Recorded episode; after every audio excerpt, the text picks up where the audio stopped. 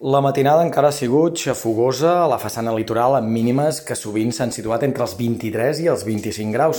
En tot cas, avui respirarem una mica més bé. El descens tèrmic serà de 2 a 3 graus a les comarques interiors.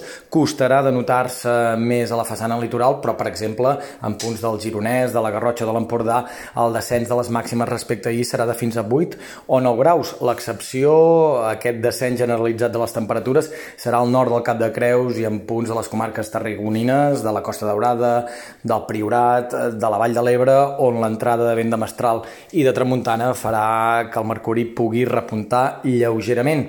Aquest descens de les temperatures es mantindrà demà i també dilluns. De fet, a l'inici de la setmana costarà trobar màximes de més de 30 o 31 graus, fins i tot als sectors més càlids de Catalunya.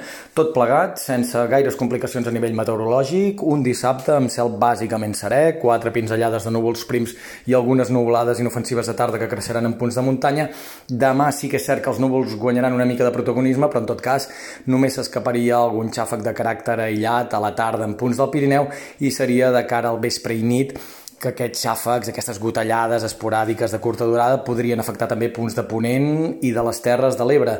Dilluns, ara mateix sembla que seria la jornada més insegura i variable d'aquest final de mes de juliol, un dilluns amb moltes estones de sol, però també en xàfecs de caràcter dispers que podrien afectar aquest cop moltes comarques interiors. A partir de dimarts sembla clar que el sol s'imposaria gairebé sense excepcions i que per tant tancaríem el mes de juliol amb un bon sol i amb temperatures normals per l'època de l'any.